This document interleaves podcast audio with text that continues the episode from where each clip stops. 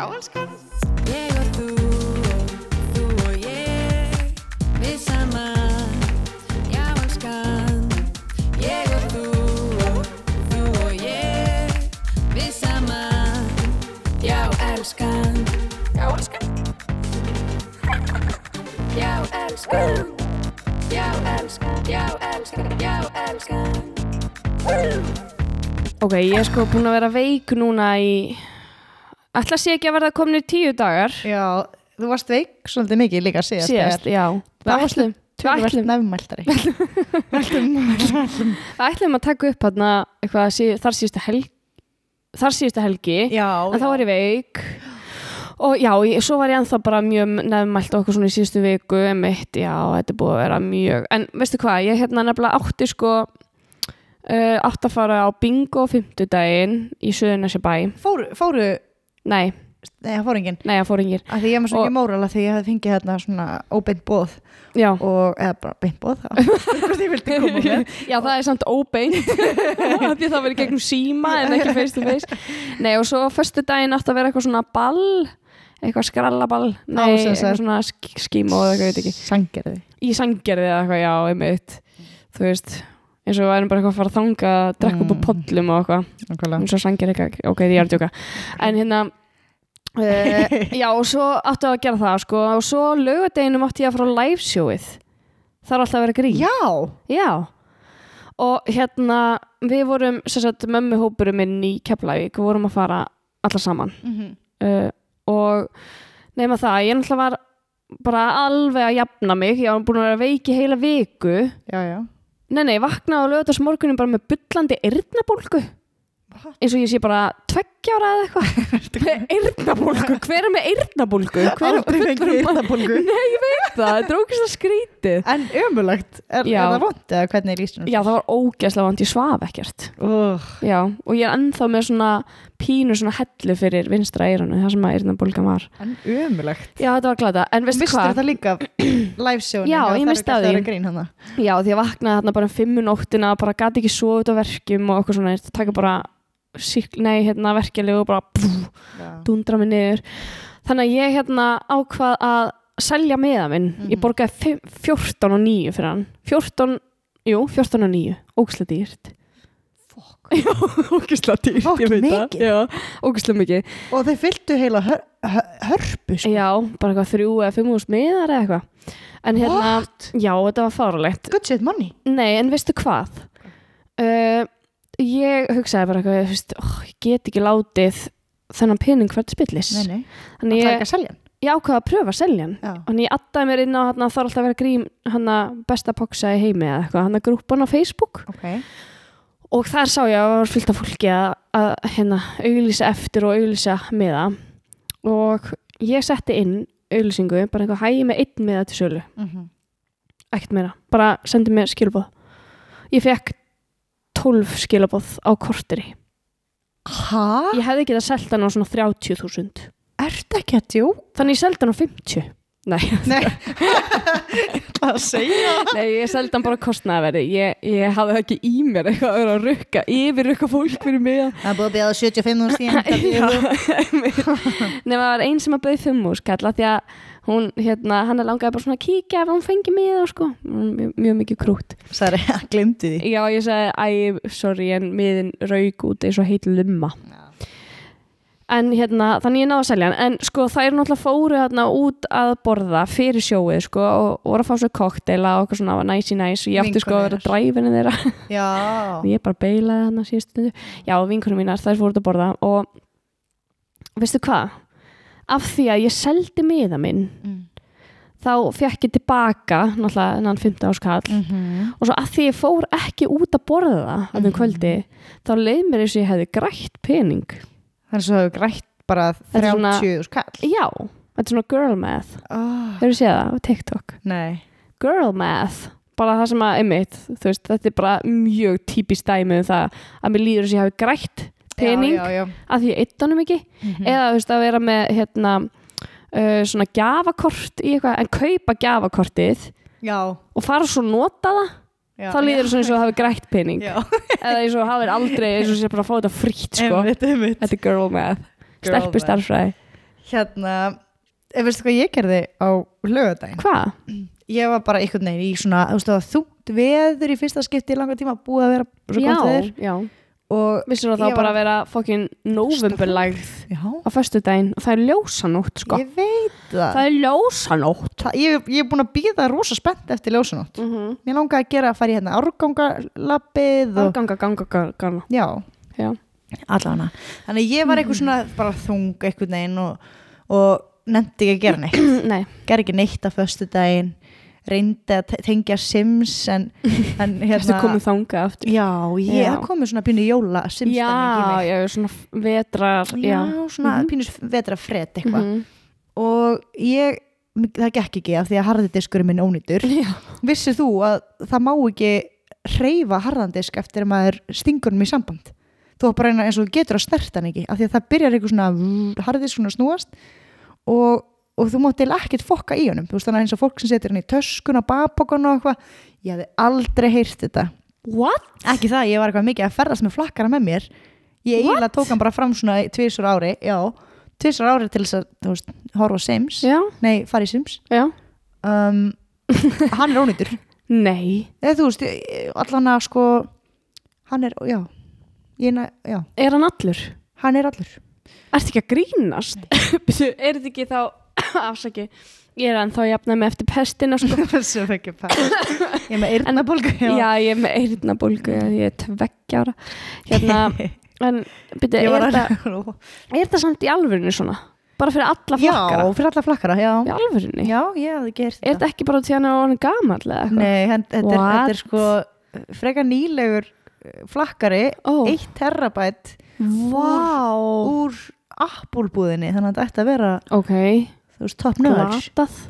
Ömulegt já, minnst það Um, já, þannig að, það hvað varstu með flakkara. að inn á fyrir utan Sims? Já, með myndir og allan pakkan sko. Og Nei. ég var að heyra að það kostar 200 kall að, að fá sko reyna að fá gögn reyna að fá gögnin, það getur kostað það mikið. Að því að stundum þarf bara þú veist, finn, fína vinnu í að skipta ykkur um einingum út og eitthvað svona. Ok, sjokki. Já, ég veit það, ég bara það er einn, hérna þetta, að, það er eitthvað að vera að skoða þetta í vinnunni. Mm.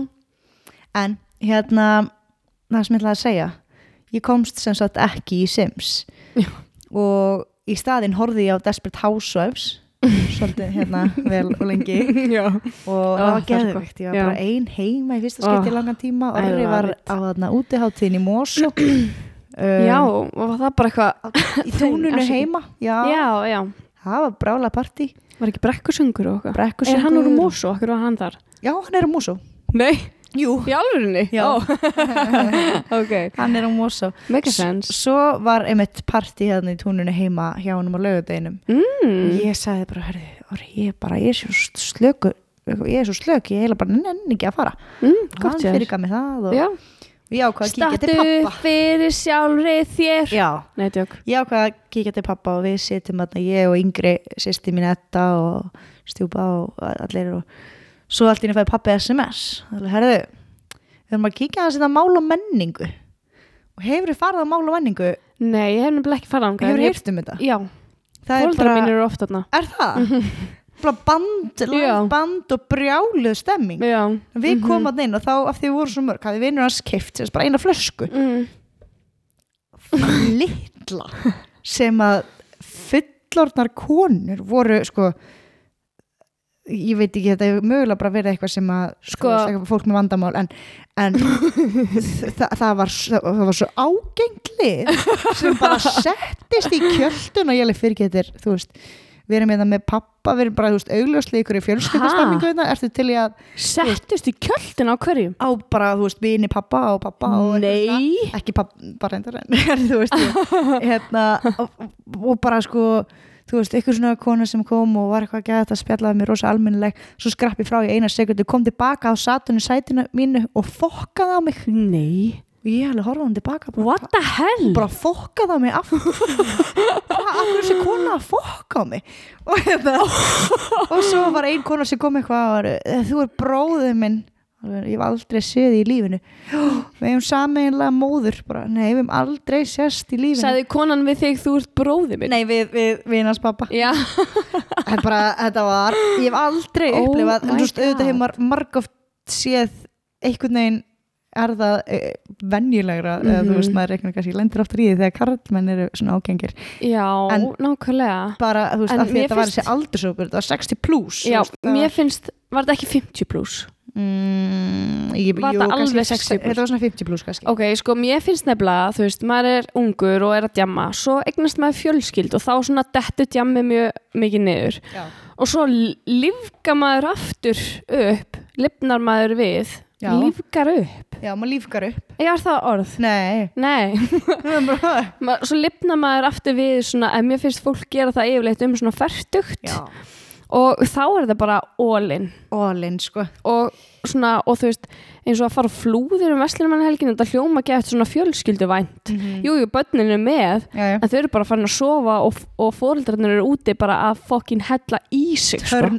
það er bara turn it up Já. og það er bara núna ertu hjá mér það er bara dipping Já, einmitt. wow. hérna, eins sem ég þekki sem að fór á flúðir um Vestlunumannhelgina og það voru uh, eitthvað hjón eða eitthvað par hérna, sem að, pör sem voru saman. Og konurnar voru að hnakk rífast í þrjá klukkutíma frá Nei. fjögur til sjö um sko. oh my god. Þær voru bara og þetta endaði sko þannig að mennirni þeirra fóru að lappa á milli og byggjast afsökunar sí fyrir þeirra hönd og ein var eitthvað svona hún var að segja mig frá þessu hérna, vinkurum mín, hún var eitthvað svona að segja að hérna, ein var alveg eitthvað ég ætla bara að fara þjóðháttíð hún hótaði að fara á þjóðháttíð gefðu, sturlu hótun. Það er ég bara á Benidorm? Já. Nákvæmlega. En þetta er svona í alvörinu svona. Þú veist, fólk bara hættir að kunna sig. Já, þetta er eitthvað svona aldurs eitthvað aldurspil í crazy, einu allir bara svona flum, já, missa. Turn it up sko. Turn it up. Já, veistu hvað ég var að gera áðan? Hvað? ég hérna var í heilskjumun Nei, veistu hvað það er?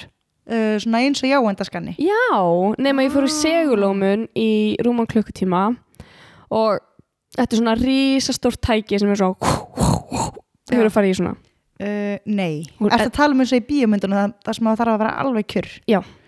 oh. þetta var þannig og ég ætti að vera alveg kjur í klukkutíma nema það þetta er valkvætt. Byrju, hvað gerir maður í klukkutíma alveg kjur? á ég að segja þér? Já. Ég gæti hort á Netflix. Nei! Hún var bara ekki, hei, hvað hvað viltu horfa þetta var hella, sko. Að ég farið tvisa sinum í svona áður. Gastu skiptum stöðar nei, reyndar ekki, ég ætti að ákveða fyrirfram, sko en hérna, ok, ég, ég skal bara segja þér allt söguna Ok, ok. Ég er nefnilega tvisa sinum farið í svona áður og í fyrsta skipti fór ég þegar ég fekk krabba minni. Já. Ok, nú ætla ég að gráta um það ókslega dark og sári, sko nei, ok, En ég fekk, hérna, þegar ég fekk krabba minni 2018, þá fór ég í svona hérna segulómun Já. Og þá liggum maður bara í svona röri.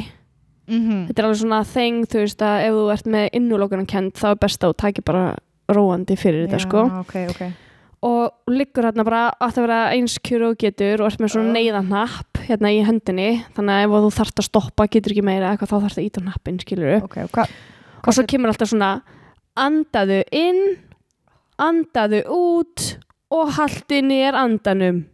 Og svo þú veist þá má bara fylgja leiðbynningunum og svona. Ok.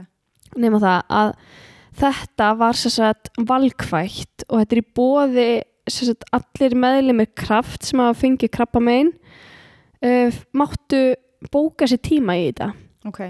Uh, þetta kostar 300.000 en við fengum svolítið mikinn afslátt af því þetta er svona, þetta var að startast. Eða, Já, þetta já. bara, þetta var að opna núna bara í fyrsta skipti, þetta er bara svona engareikið Já, já, já, já. Svona hérna engareikin Our rannsóknar. Very own jáendaskanni Já, nema þú veist við eigum þannig náttúrulega í Íslandi einn, Er það? já. Ó, ok, þú fórst til Danmarkur Ég fór til Danmörkur, það var ekki búið að opna á Íslandi þegar ég fór. Mm, Ok En ég sett fór í CT Sigurlómin og svo fór ég til Danmörkur í jándaskana. Það var svoleiðið sem er. Mhm. Allana, þetta er svona, en þetta er bara svona Sigurlómin að tæki. Ok. Og hérna, þannig að ég skráði mig og loksins kom aðeins í dag sem ég fór og það er verið að skima fyrir þú veist, eitthvað 500 sjúkdómum og krabbameinum og þú getur skoðað þú veist, hjarta og æðasjúkdóma og eitthvað svona alls konar. Get ég ennþá fengið hennar díl eða? Uh, þú ert ekki meðlum með kraft sem hefur fengið krabba minn sorry, það er rétt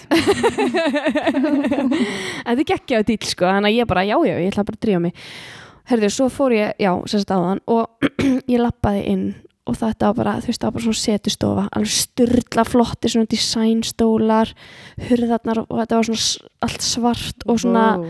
viðalitað, þú veist, svona gæðveikt 2030 eða skilur já, já, já, já. og svo bara beigð ég þarna og svo bara opnaðist renni hurð og hún bara, Kristjana? og ég eitthvað, yeah Yeah. og hún alveg, do you mind if I speak English? og ég bara eitthvað, yeah yeah, it's okay I'm like, totally English Totally. og hérna, yeah, totally yeah, yeah, totally Mm. og hérna, svo bara lappaði inn og það, þetta var bara geðveikt flott þetta var Mm. bara, hefur þið farið á Geysi hóteli? mm, nei ok, jú, jú, jú. Þetta, þetta myndi mér svolítið á það mm Mhm. veist, bara, en bara miklu þetta var bara fárulega flott. Okay. og lappaði þarna inn og voru tepp á gólfunum og, og svo var hann eitthvað heyrðu, you can just, ok, þú mátt bara fara inn, inn í þetta búningsherbyggi og svo bara hérna er small, medium og large. Hann að efsta skúffan er small neðstæði large.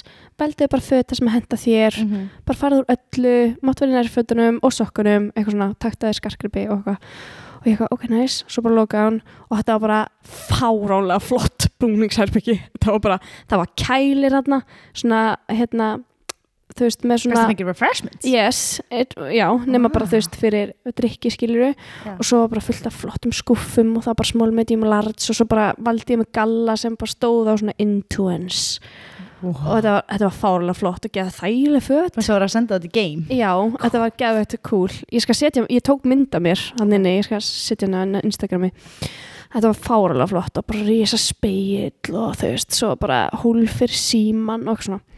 Og svona eitthvað, svo bara kemur þau fram maður endilega að fara að pissa fyrst. Bara svona að því að þetta er alveg klukkutími ok, svo fyrir henni bað og það var bara ennþá veist það var bara eins og ég væri komin, þú veist, í Sky Lagoon eða Blá Lónu, þetta var svona fáralega flott sko. Vá Já, og svo lappaði ég inn í risastóra rannsóknarherbyggja sem að tæki var Mm. og það var allt svona bara svona geðvegt flott lýsingat inni svona blá, þú veist, svona svona modern blá Eða fattar mig. Þetta, var, með þetta var ekki svona hvít spítala Nei, nei, nei og þú veist, þegar ég fór í þetta á, í Dómusröngen þegar ég fekk krabba minni þá var bara eitthvað svona sett eitthvað svona hérna, svona hlífðar fyrir eirun, hvað Já. heitir það, svona peltorar eða þannig, Já. með bara útvarpi skilur Ok. þannig að þú gast hlusta útvarp þá mm.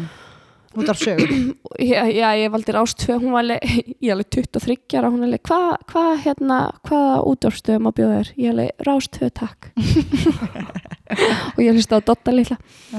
Og þá var hérna það var eitthvað lag vinsælt þá 2018, ég man ekki alveg það var eitthvað geggjalag allana, og ég var að hlusta það allana þá sko, Já, já. En ok, svo hérna lappaði hann inn og hún eitthvað þegar hún skildi mig eftir í búningskláðuna og sagði hún við mig, herru, svo getur þú að horfa á Netflix þannig að hugsaði hvað er langar að horfa á. Ok. Er ok, nice, wow er ég komin í spa eða er ég komin í bara, þú veist, einhverja svakar eins ok, svo hérna lappaði ég inn í herbyggið og hún eitthvað, ertu búin að ákveða hvað er langar að horfa á? Ég eitthvað, já, sko, ég er að horfa á nefnilega núna, er ég alveg bara búin að sokva mér inn í, sko, the ultimatum, sko og hún eitthvað, já, sko, ég mæla alveg með að horfa á eitthvað sem að þú hefur hort á áður af því að það er svolítið mikil, mikil háfaði í tækinu þannig að þú heyrir ekkit alltaf allt sem er sagt Já, já, já, þótt ok. að sé alveg subtitles en þú veist, ef þú vilt horfa á okkur mynd eða eitthvað sem þú séður ég eitthvað, ah, ok, bara þessi mynd. Hún er alveg, já, það velja allar konurnar þessa mynd. Hvað mynd á það? How to lose a guy in 10, 10 days, hún er alveg allar, sko, eiginlega langflestar velja þessa mynd Í og langflesti gaurinni velja Top Gun eða Forrest Gump. Í alvöru? já, Vá, hvað það er svo bara fer ég inn Frábær myndrindar Já, nákvæmlega, svo bara fer ég inn og leggst á bekkin og, og fæ teppi yfir mig og bara fæ hérna hirtnatólin það sem að Netflix er og svo bara fæ ég svona gleru sem er eitthvað svona spegla gleru þannig að Netflix er eitthvað staðar á veggnum en það er speglast inn í glerugun Ó, wow þannig að ég horfi bara beint upp og ég horfi á Netflix Já, mjög cool. Þannig að ég lá bara þarna og svo var ég bara alveg að sopna við bíómyndinni og bara þetta var bara fáruglega huggulegt. En huggó Já, Vá. þanga til að það kemur ljós að ég þurfa að fara í krans æða aðgerð, nei tök Nei, nei, ég er að tök þræðingu. Ég var að reyna að muna hvað, hvað hétt en þetta var hella sko. Þetta var fáralega mögnuð upplifun. Geðvikt. það var mjög cool sko. En Ánægða. þetta, þau, þetta er eitthvað svona nýtt fyrirtæki sem að ætlar að bjóða upp á þetta fyrir þá sem að vilja. Mm. þannig að þú getur bara bókaði tíma í svona rannsókn bara, þú veist, bara til að tjekka hvort það sé alltaf læg með þig. Svona allsherja rannsók þetta er svona allsherja rannsókn, já. Vá hvað það er sniðið. mm mjög sniðugt. Og er að nema eitthvað 900 sjúkdómi. dama, dama. já, 500 eða eitthvað svona. 500, Já, já. 500, ég man ekki hvort þessu 500 mismunandi 200 sjúkdómum eða krabbameinum en þau skoða líka hjarta og æðakerfið og svona. Og svo svaraði ég spurningalista heima áður en að ég mætti. Mm. bara eitthvað svona á netinu. Pældi hvað þetta er ógsla mikið 2023 allt bara á netinu, þú veist, bara heiminn tölvunni skilur Ekki að lifta blíjandi. ég þurfti ekki að lefta mig oh. hérna uh, já og þá stóð eitthvað svona er eitthvað, er eitthvað sérstakt sem að þú vilt að við skoðum mér finnst það mjög cool það er mjög cool. þannig ég var eitthvað svona já, að ég ætla að segja eitthvað mjög fyndið Ég ætla líka að segja eitthvað að það hefði ekki verið viðjandi sko. já, nei, nákvæmlega, það var svolítið svo leis en já, þannig að þetta var bara geggja Vá, gaman að heyra þér. Hvenær fórst þið þetta? Áðan, Já, fórst þið í þessu bráðan? já, ég kom beint hingað Já, ok. þín eftir þetta mm Já, það voru ekki nema vona að þú voru ekki svara skilabóðinu mín, mínum hvað þú vildir á lemmu. Ég veit að, heyrðu, er það grínast? Ég er með svo mikið nættiklisbreyst. Nei, sko, þegar ég var að tala við í síman og ég eitthvað svona, heyrðu, já, ég er nice guy og hérna, ok, ég sendi bara skilabóð, þú eitthvað, já, heyrðu, gerðu það, ok, bye. Og svo var ég akkurat að beigja inn í götuna þar sem Já. þetta var og svo var ég bara eitthvað, þurfti að bakka tilbaka og svo laði ég bílnum og svo var ég svo amazed þegar ég lappaði þarna inn að ég bara alveg totally forgot, sko. Ekki nema von, sko. En ég, ég kefti hann það e, e, Nice Guy og Spicy, chicken. ég hef aldrei smakkað spicy chicken. Ú, Mjög góð. Er Um, góð. Very nice. Very nice, sko. Felt healthy, sko. Já, Hvað fegstu þið pullu í hádeginu? eða? Já bara, svona klukkan fjögur sko, eldgamla pullu sem að Mm. var gerð held ég á fimmtudaginn í vinnunni. Og hún var eldu þá sko þannig að ég fann bara einhverja gamla pullu inn í ískap og ég eldaði með hana mér er búið að vera smáilt í maðanum. Það er örgulega pulla og ég var eitthvað svona halda þetta sé, halda þetta sé í lagi með þetta? Mm, nei, eitthvað Nei. "Mm, þetta er búið að vera nýskap Uh, en svo fekk ég með lemum með þér þannig Já, Herðu. þetta, þetta var, já veistu hvað ég var að uppgöta? Hvað varst það guttuvega? inn á Lemmís sem er þarna nýri, nýri bæ Lemmís Lemmís, það er svona rockstaður Ó um, við hliðin á hressingarskálanum mm. hérna að þegar þú kemur þar inn það er bara svona þungar rock bara, og svona Ok, og svo lappar inn í bakgarðin og þá er bara risa útisvæði svona mjög mikið útlandarvæp svona staðir, veitingastaðir báðum megin í, veist, í kringum útisvæðið og það var geðveikur indveskur staður og ég hugsaði, ég ætla ekki að segja neinu frá þessu að þetta er bara minn private staður er þetta ekki hann hérna Hvað heitir hann? uh, hver? Veit, Veinikastæðurinn? Já, ég veit ekki Já, hann er, hann indveskur Já, hann er þetta ekki hann, hann sem er hann supergóður og geðið þetta authentic? Austurlenska Nei, Nei, hérna ég veitingastæður, ég er að googla núna bara as we ekki Royal Indian? Jú, er ekki Royal Indian? Mögulega, er hann, er hann inn á Hressó eða Gandhi Indian? Veistu, ég get ekki Sko Royal Indian, nei, þetta er ekki Royal Indian en Gandhi, þetta er ekki hann. Veit það ekki sko. Bergstaðstræti Mm, Mögulega. En allavega, ef þið viljið fara þangað þá er hann sérst inn á Lemmís, gegn Lemmís inn á útisvæðið þar er bara sikk útisvæði sko. Lemmy, að því að maður er alltaf að berjast um útisvæðin þú veist, það er dagur ekki hjartagarðinu? Nei, þetta er ekki þar. Nei, er ekki það sko. Ok, lol. Ok, það er frábæð staður. Lemmy, ég hef aldrei heyrt um Nei, er nefnilega, ég held að þetta sé tildulega ný til, tilkomið sko. Östustræti 20 Já, já, já. Já, mamma, mamma Rama Mama Rama, mm frábæð staður. Ertu búin að fara ánga? Já, ég fór þarna bara meðan dag eftir mann Góðu veðri. Ég elska indurska Ég mat. líka, Þú þurftir að fara til. Indlands. Hefur þú farið til Indlands? yfir allt og eitthvað. Nei, hefur þú farið til Indlands? Tvísvar Þú hefur farið tvisvar til Ég Indlands farið tvísvar til Indlands. Í reisinni og svo. Svo náttúrulega svilkona mín indursk Já, og Hún frá Þau héldu Já, ég heldur svona brúðkaup í Indlandi Þannig að við fórum þanga Mamma spötter chicken. Oh, Ég fekk með það einmitt sko, það var fárlega gott. Alú góbi gurri. Já, Nei, er gorri Gurri. Elskar svona Ég betra en gott curry. Gott gorri Gott gorri Gott gorri Herru, hérna, ég er með svona 340 tabs open hérna. Ef að Tómas myndi opna tölunum mína þá myndi hann fá hjarta áfall sko þessi tölva höndlar allt. Já, ætlar, að að fara að gera það líklega til þess að segja mér frá við Sérðu það, sérðu það, ég er að undirbúa mig, sérðu það? Ó, ég er spennt. Ég er bara komin hérna í, í stöður. Ég er svo ánægður sem komin aftur. Já, ég líka. It's a, oh, it's, sko, feels like home. Ég er svo sammála. Og við hefum svo mikið að heim. tala um að við erum alltaf sko einn eða tvo tímar áður en við kveikjum á hérna rekordinu. Já, að spjalla. Að spjalla. Mm It's been a long time. Herðu, ok, ertu tilbúin í þetta? mm -hmm.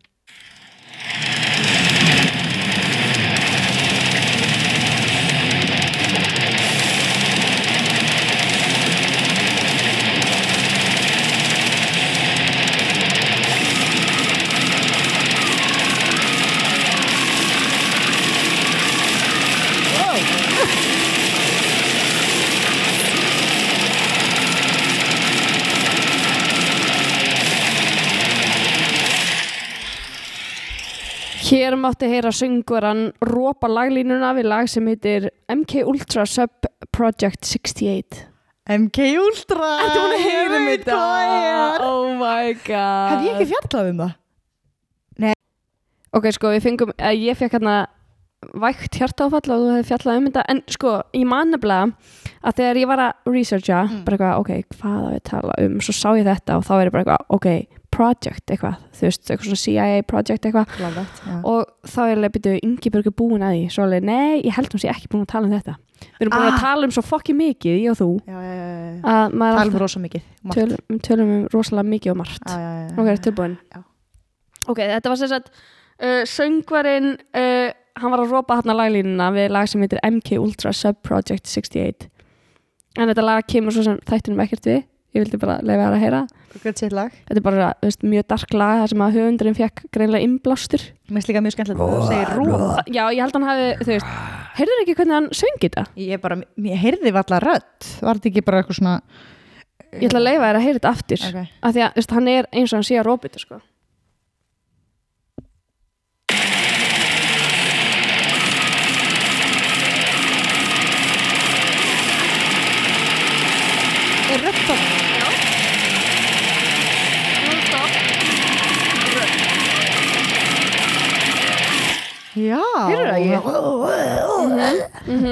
eins og sé að rópa ég, ég held að hann sé bara að rópa hérna og baks Mhm.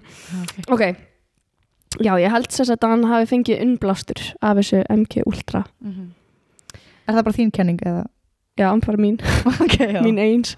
Kom með, upp með hann sjálf. Fann hennu sjálf. Fann hann sjálf. Ok, er tilbúin? Í upphafi kaldastrýsins Mm. tók CIA þá ákvörðun um að hefja nýtt leynilegt verkefni sem að snerist um að finna leiðir til þess að stjórna huga fólks. Ú. mjög svipað á Stargate Project Aha. sem að við fjöllum um, eða þú? Við, Við. ég get að taka kredit. En CIA fekk fjármagn til þess að búa til heilan her af geðdeildum í Ameríku og Kanada til þess að geta gert tilraunir á sjúklingum sem að grunuðu ekki kvend Ok. Þar að segja fengu ekki tækifæri til þess að ákveða hvort þau vildu taka þátt eða ekki. Ah. þau höfðu ekki hugmyndum það. Að þau, Sjúklingar? já, þess að bara fólk. Já, ok. Á geðdeildum, skilur Já, já, já, já, mm, CIA notaði geðlif uh, og fjarlægði skinjun sjúklinga notaði raflost meðferðir og margt fleira. Ok og þetta verkefni sem að snýrist um að gera þetta mm, fekk nafnið MK Ultra. Í lok Kóreustrísins sem var gjarnan talið fyrstu vopnuð átök kaldastrísins voru fleiri, fleiri frelsaðir stríðsfangar sem að koma heim og þeir litu út fyrir að hafa verið heilaþögnir voru sérst heim úr til- stríðunum skilur Já, já, Veist, já. eða voru frelsaðir stríðsfangar skilur Já, já þannig að þegar þeir komið heim að þá hérna uh, leit út fyrir að þeir væru allir orðnir þú veist svona búið að heila þó þá og væri, þeir væri farin að aðhyllast kommunista áráður. mm. Þarna heldu Amerikanar að fangarnir hefðu verið heilaþegnir af kommunistum með ákveðnum hugastjórnunar aðferðum. Þarna ákvað nýmyndaði CIA-hópurinn að ráðast til allugu og byrja rannsóknir á mannfólki og til þess fengur 25 miljónir dollara ok from the Americas. that's a lot of money Það er sko ógeðslega mikill peningur. fullt af penni, rosa þung Líka þannig 65, er ekki 1965 hann já, að shit, kaldastriðið? Nei, var það fyrr, 1900 eftir setni heimstyröldina Já. Akkurat mm. Um, Eitt af fyrstu verkefnunum í MK Ultra var kallað Operation Midnight Climax þar sem að fólk var beðið um að fá það. Nei, tjók Nei. En allan að CIA bjóð til það sem er kallað Safe House sem er bara svona örugt húsnæði fyrir fólk til að gisti það vantar samastæða en þangað fóru vændiskonur með menn sem þar náðu svona að lokka til sín og þegar mennirni voru komnir í íbúðina þá gáðu þær mönnunum LSD án þess að þeir vissu það. Og þegar þeir voru, voru orðnir bara út úr heiminum þá komu vísindamenn á vegum CIA og gerðu rannsóknir á þeim. Annað verkefni var svona LSD party sem að voru haldinn og þau voru þannig að það hérna það var búið upp á LSD í partíunum og það var spiluð eitthvað svona live tónlist. og þessi partí voru kölluð acid tests. Og talið er að hópurinn sagt af fólkinu sem að tók þátt í því að þau sko mættu þarna og fengu LSD skiluru mm -hmm. uh, að það fólk hafi þróast út í það að vera hippar nokkrum árum síðar. Og ég skildi þetta þannig að þannig varð hippi til. Já, þannig urðu hippar til veist, þetta byrjaði þa þarna koma, kom upphæða af hippa tímabilinu. Ok. Fattur þau? mm Akkur þetta svona, ég er bara að hugsa. Það- ég, ég, ég er að hugsa. Ég held sjálfur ég geti alveg verið. Já, sko og ég, ég sá þetta á nokkrum stöðum. Já, já, já. Þannig að þetta er alveg áræðanlegar heimildir.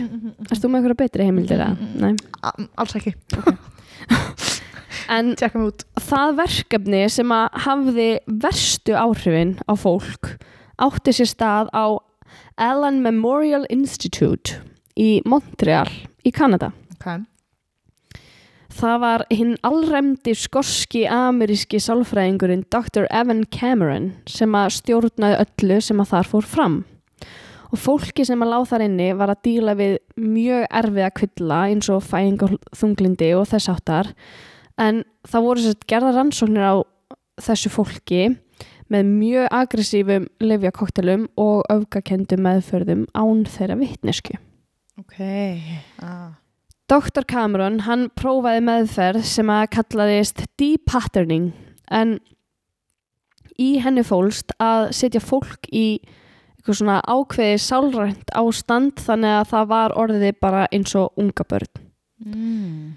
Fólki satt út í hotni í kuðungi með hór sem að lagur nefinu því þau bara höfðu ekki vita á þurka og þau gátt ekki mynda neinn orðlengur því þau kunnu það bara ekki og höfðu ekki getu til að klára neinn verk í daglegu lífi þú veist þau bara voru að pissa á sig og eitthvað. Mm. Þannig, uh, já og þannig gáttu læknarnir nýtt sér vitrænt varnarleysi sjúklingana og reynt að byggja upp hugan þeirra svona upp á nýtt eins og þeir vildu hafa hann. já, Sú meðferð sem var notið til þess að ná þessu hugarástandi var kölluð psychic driving og það, það fór fram sérsitt í einu af svona svefnherbergjunum sem er bara beinþýðing af orðinu sleep room. Já, já. En þanga fór fólk með læknunum af því að það held að það myndi lækna sig af því ástandi sem það var í eins og til dæmis þunglindi og kvíði. En það var heldur betur ekki þannig. Þetta virka þannig að fólkinu var gefið til dæmis insulín til þess að fara sem, sagt, sem að í rauninni því var gefið ofmagn af insulíni og þannig endaði fólk í dái. Og síðan voru settar upptökur af viðtali við sálfræðingin í gang annarkvort undir kottana hjá sjúklingunum eða á, á settu svona hjálmur á hausin á þeim sem var með innbyggðum hátölurum og þetta viðtal við sálfræðingin var bara haft á repeat á meðan þau voru í dái. Og stundum voru þau í dái fleiri tugi daga. Ein var í dái í 36 daga. Og þá var sérst, þú segir viðtalið medical sálfræðingin já bara þú veist þá var sálfræðingurinn búin að taka upp eitthvað. Mm, og bara viðtal, já, og bara spilað á repeat. Eitt sjúklingurinn, hann fekk upptöku þar sem var sagt, þú veist, mamma einn hata þig á repeat í 36 daga.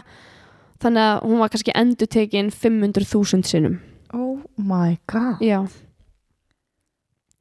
En ég ætla að segja sögu uh, um konu sem að uh, heitir eða hét Velma Orlikov en barnabarn hennar uh, hún hefur sagt frá sögu hennar í fjölmiðlum og þaðan fáu þessar upplýsingar. Mm. Árið 1956 mætti Velma Orlikov á kanadíska geðsjúkrahúsið Allan Memorial Institute. Hún hafði eignast barn fyrir nokkru mánuðum síðan og hún mætti þarna á geðsjúkrahúsið til að fá aðstoð við fæðingaþunglindi. Hún var mjög önug, hún átti erfitt með svefn og hún átti það til að brotna niður og bara hágráta án fyrirvara. Fæðingaþunglindi er bara ekkert grín að díla við og því er mikilvægt að fólk fái viðeigandi aðstóð frá bara sérmentuðu fólki í þeim geira að minnst þá kosti ekki fólki sem ætlaði sér eitthvað allt annað. En Velma hún var það óheppin að lenda á þessu sjúkrahúsi þar sem hún átti að vera tilrunadýr án þess að vita. Dr. Cameron, hann var ekki einungis forseti kanadíska geðlæknafélagsins, heldur líka bandaríska geðlæknafélagsins og hann var líka forseti heimstaka heims samtaka í Heimstaka. alvöru? Heims samtaka geðlækna. Mm og var hann yfir MK Ultra? Hann var sá sem að sá um MK Ultra. Já. Eða sérst hann var sálfræðingurinn í þessu og bara, var bara með yfirhundinina yfir þessu verkefni. Og þetta er svona snýst um að sko heila það fólk í hernaðlegum tilgangi í Mhm, rauninni að mhm. gera ykkur rannsóknir. Mm -hmm. Uh, Dr. Cameron hann eigðilegði líf fleiri hundra manna og meðan CIA, CIA stóð þétt við baki á honum og stuttan áfram Velma Orlkov hún mætti hann á Allan sjúkrahúsi að vetri til og kerði gegnum þykkan snjó upp að svona kastala líkri byggingu og náttúrulega hafði ekki hugmyndum hvað hún var búin að koma sér út í um, Suma daga á sjúkrahúsinu fór Velma í gegnum svona háspennu raflost meðferð sem við vitum nú að var með miklu herri styrk af háspennu heldur en hafði nokkuð tíma verið nota áður Mm. þetta er bæði vegi en þó gert í dag það? já ég vissi það en bara í mjög litlu fríkvæmsi mjög, já, einmitt það er víst, mjög lítið fríkvæmsi og held ég gert oftar í staðin Já, Eitthvað, já, ég, gæti eh, ég er ekki já. alveg viss já. Uh, og með því að gera þetta þetta er náttúrulega ekki leiðin til þess að lækna fæðing og þunglindi með svona háum styrk heldur er þetta bara leiðin til þess að eyðileggja fólk Mhm. Aðra daga gaf Dr. Cameron henni velmu uh, svo mikið af livjum að hún enda í dái, svona drug-induced koma og þetta var svo sterkur livjakokteil að þetta lamaði allan líkamann hennar. Þegar hún svo loksins vaknaði upp á dáinu, dögum eða stundum vikum setna, þá vissi hún ekkert hvað hún var, hvað var að gerast eða hver hún var. Þegar hún vaknaði þá var hún sett aftur í raflost meðferð og svo eftir það voru henni gefnir risastóri skamtar af hérna, LSD sem eru bara ofskinjunarlif fyrir þá sem að ekki vita. En þeir sem vita eitthvað um lifið að þá virkar það þannig að smá skamtur getur bara umturna lífinu þínu ef þú fer í slæmt sírutripp þá getur það bara virkilega fokna, fokka upp hausnum á þér. Já. Þessi getur ímyndað er að vakna upp úr kannski mána lungu dái vera sett strax í raflost meðferð án þess að vera svæfð einu sinni. Og þeir eru svo gefið LSD þannig að uh, þú færð bara sjá gírafa út á túnni og það rignir yfir, yfir á demundum já, hrikalegt sko. Og á meðan hún var á LSD sírutrippinu þá setti Dr. Cameron þennan hjálm á hana uh, sem var með svona hátölurum inn í og læst hana svo inn í herbyrgi og hann spilaði upptökur af viðtali sínu þar sem hann er að segja við hana uh, bara þú veist alla jákvæðu hlutina um nýja personuleikan hennar og, og þú veist, það var bara að spila á repeat og þegar það var búið að spila það nógu oft þannig að hún var fann að trúa því að þá breyttist upptakan yfir í alla neikvæðu hlutina um hana. Oh my god. Mm fólk var svo bilað af þessu þú veist, hún var ekki svo eina sem lendi í þessu Mhm. þú veist, það var náttúrulega bara fleiri hundruður en fólk var svo bilað af þessu að það fór að skalla vekki af því að það var læst þarna inni og, og, og hérna, með hennan hjálm. Þannig að þá ákvaðan að fara að setja fólk í dá sérst svona livja dá og þannig láða bara kjört og þá var hægt að setja hjálmin á þau og eða kassetu tæki undir kottana þeirra til að spila þetta. Skjölin sem að voru opinbyruð sögðu að Velma hefði fengið samtals 14 LSD háskamta í hvers skipti sem að Velma reyndi að streytast á móti skömmtunum þá sagði hjúkunarfræðingurinn sem að aðstöða hann við þetta sagði, sagði við hann að hún væri bara vond manneskja og mjög vond mamma að vilja ekki einu sinni fá lif sem að gerða hana betri mannesku oh my god. Ræðilegt Eftir að hún fekk skamtinn að þá öskraði hún og öskraði sásöka og sagði bara, þú veist, húði mín er bara að brenna af beinunum mínum og, og þú veist, þannig að hún var bara í sko fáránlegu síru, sírutrippi. já, já, já. Velma var hérna inn á þessu geðsjúkrahúsi í þrjá mánuði. shit Þegar hún loksins losnaði út þá var hún bara aldrei söm aftur. Hún átti mjög erfitt með að vera meðal fólks og hún átti það til að fá mjög harkaleg kvíðakost. mm Hún var í eitt skipti í búð að versla í matinn þegar hún allt í henni bara missi veskið sitt, grípur utan um höfuð á sér og bara byrjar að öskra, bara oh. öskrar úr sér líftóruna. Barnabarnið hennar hún talaði um að hún hafi eitt mjög miklum tíma með ömmu sinni af því að fóreldrænar voru oftar en ekki uppteknir í vinnu já. og hún sagði að það sko tók ömmennar eina til þrjár vikur að lesa eitt morgunblað og stundum tók það hana marga mánuði að skrifa eitt bref e, til vinkunni sinna sem var bara svona svar hún var bara að svara vinkunni sinni oh my god af því hún var bara orðin, þú veist, bara búið að steikja henni búið að heilan. steikja hann heilan bókstaflega Þú veist, það var bara eins og væri bara búið að þurka út bara risastóran hluti af heilanum hennar Mm. bara búið að hæja á honum Mhm. Barnabarn Velmu ákvaða að fara í mál við CIA og það helsta sem hún vildi fá útri var bara að CIA myndi viðurkenna þessi mistök Mhm. en hún var náttúrulega svo ekki eina ekki svo eina sem að vildi það og þarna styrir fleiri og fleiri fjölskyldu meðlimir fram og vildu réttlæti Mm. en spurningin er líka af hverju gerði Dr. Cameron þetta þú veist eins og ég sagði á hann þá var þetta verkefni á vegum CIA sem var kallað Project MK Ultra og sumar heimildir hafa í að því að Charles Manson hafi verið, eitt af fórnarlömbum í svona hugarstjórnun. Já, og það sama við um The Unabomber. Ok. Raðmorðikinn hérna, Ted Kaczynski. Já, að hann átti að hafa verið uh, fórnarlamb í svona hugarstjórnun.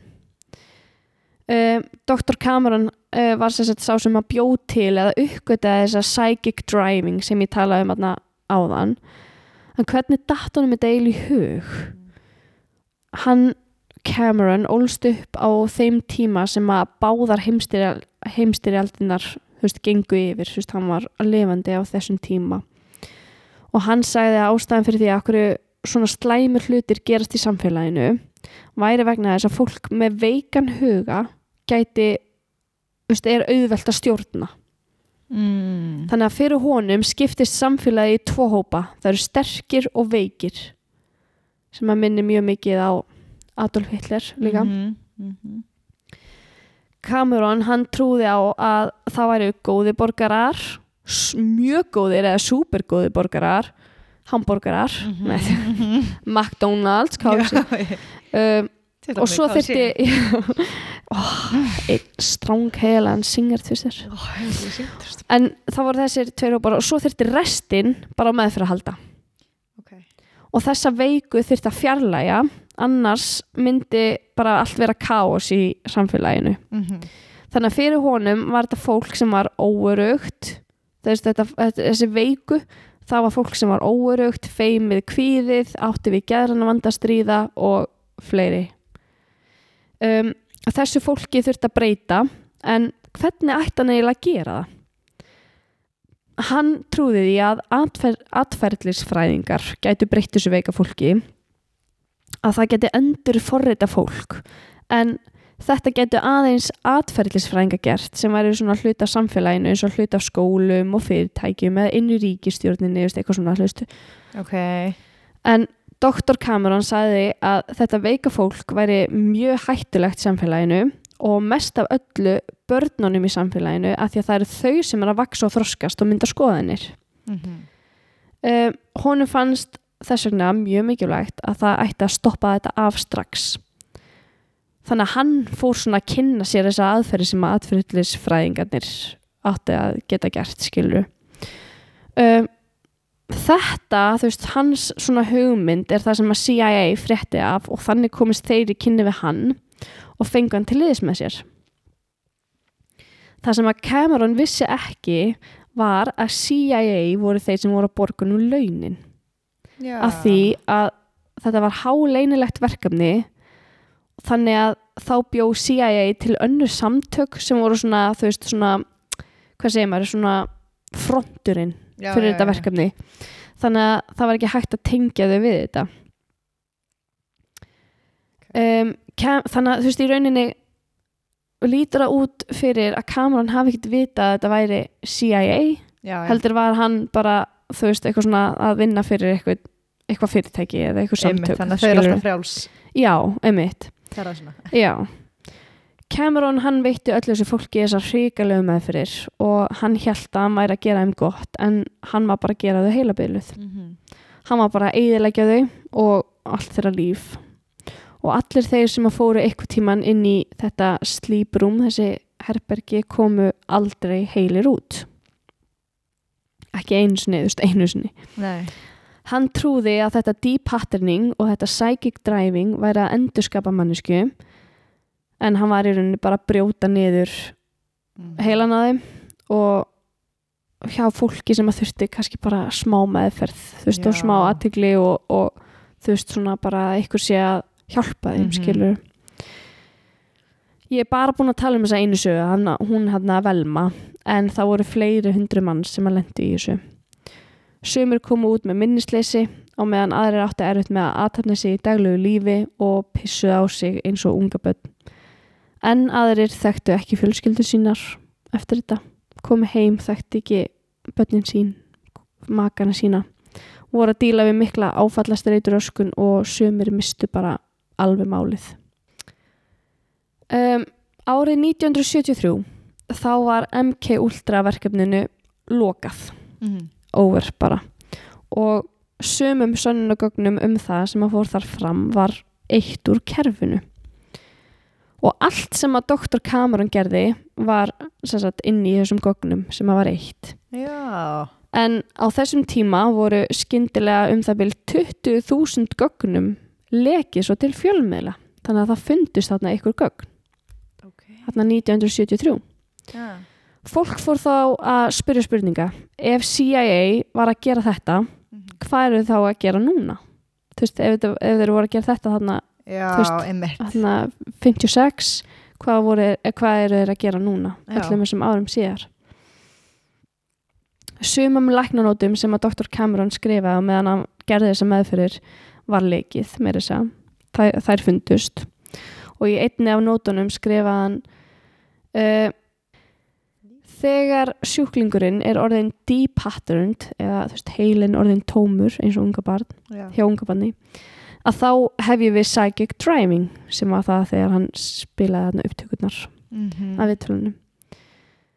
Uh, konan er frekar óróleg og mótfallin öllu þegar hún er vakandi en hún er alls ekki eins slæm og hún var þegar við byrjuðum meðferðina. Þannig er hann að, ta hann að tala bara um ykkur á konu sem var í meðferð hjá honum Vá, pældi því einmitt bara successful er þegar hún er minna responsive. já, Hún er bara búið aftengja all nákvæmlega viðbröð. Ummitt. Hér er önnu nota.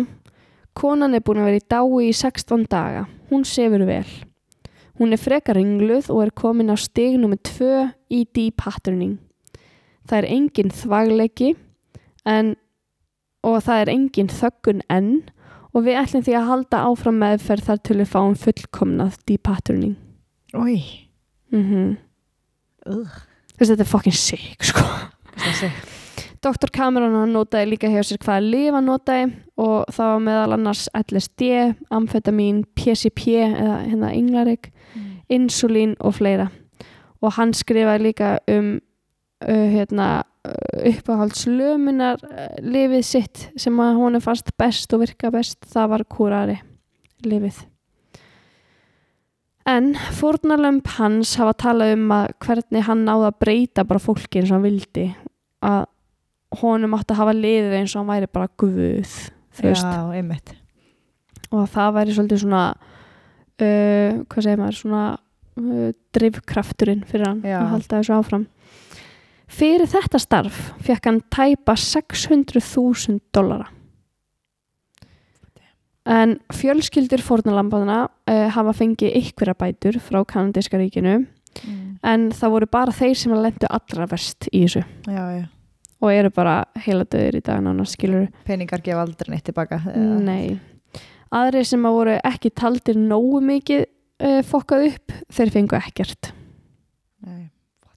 Mm Þetta er alveg, og þú veist, uh, kanadíska ríki einhvern veginn, þú veist, viðu kendi aldrei beint Nei, nei fyrir almenningi eitthvað, ok, við fokkuðum upp, skilur við. Og hvað þá bandaríska? Þeir eru bara, oh, hell no, Já. gerum ekki neitt. Pældi ef að hérna Þú veist, það finnast einhver gögn um einhvern fjölskyldumæðlim Mm og þessi fjölskyldumæðlimur hefur verið að upplifa eitthvað, þú veist, um eitt bara allt sitt líf mm og samt færðu engar úrlaust það er Mhm. ekkert Nákvæmlega. Já, nákvæmlega.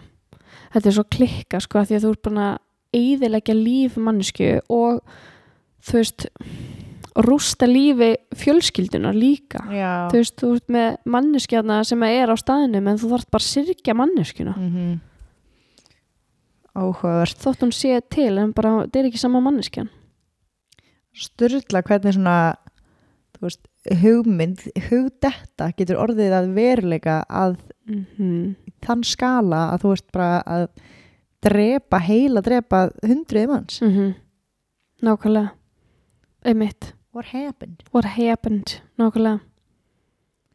Þetta er svo bara þú veist, í dag er líka allt orðið svo þú veist, það er útrúlega erfitt að gera rannsóknir á fóstrum og, og þú veist, alls konar svona þetta er allt orðið svo svona mikið þú veist siðleysi er miklu viðkendara fyrirbæri eða þú veist, mm -hmm, hugtak heldur en það var á þessum tíma veist, þetta bara að leifa sér þetta. Já, já, bara fórn ykkur fólki. Emmitt sko. Þetta er algjör viðbjöður sko. og þetta bara pældi ég að CIA hafi bara gert þetta?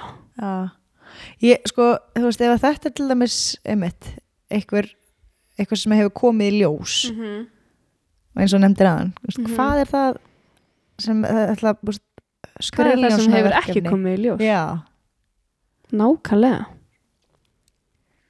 það er galið. þetta er mjög Líka galið svo svona chemical warfare, maður oft pælt í því að bóka herin alls það er búin að stúdera chemical warfare, mm -hmm. dempa ykkur um svona chemicals. Mm Um, þú veist, þau eru rosa langt á veg komin þar. -hmm. Ég man eftir einhverju, voru einhverju tilrunir varandi eitthvað chemical warfare sem voru, þú veist, hefði áhrif á eitthvað fullt af liði sem að ég vissi ekki það í.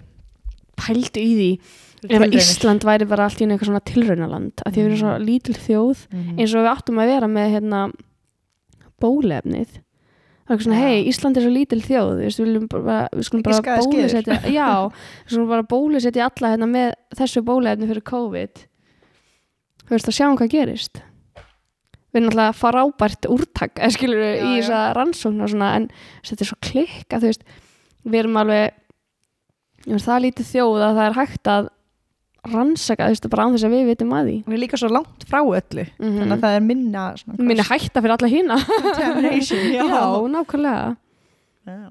En ef það væri zombie apocalypse, það væri best að gerist á Íslandi. já, Við myndum bara hlaupa til skó.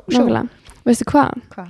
við erum búið að dreyma núna einhverja þrjári eða fjóra nætur í röð að sé klesta á mig Nei. mm bara, en alltaf á mismunandi hátt sko Hæ? er alltaf þetta eitthvað svona, svona það gerist ekkit, ég slasast ekkit sko Nei, nei. en bíllinn bygglast og eitthvað Ói, mm -hmm. það er veit skeri. ekki af hverju Nei, it's crazy, það er mjög skeri. it's a crazy, crazy girl Crazy, Crazy girl. já, Það er að fara að varla í keflæk. já. Hvað ætlar að gera í ljósunótt? Mm, mér langar pínu að skoða listasýningarnar Já. ætla að segja ekkert planað að það eru skýta við þér, það ætla ég bara að vera Heima. heima held ég Já. Það er ógislega það, sko mér er ógislega leðilegt þegar maður er alltaf að segja við fólk sem á ekki batna eitthvað njótti þess eða skilur, en það er svona eitt, ein stærsta breytingin við að eiga batn er, maður á aldrei eitthvað svona heyrðu það er vond við, við ætlum bara að vera inni í kósi í dag, það verða bara allir fokkir styrlaðir að vera inni. Já, já.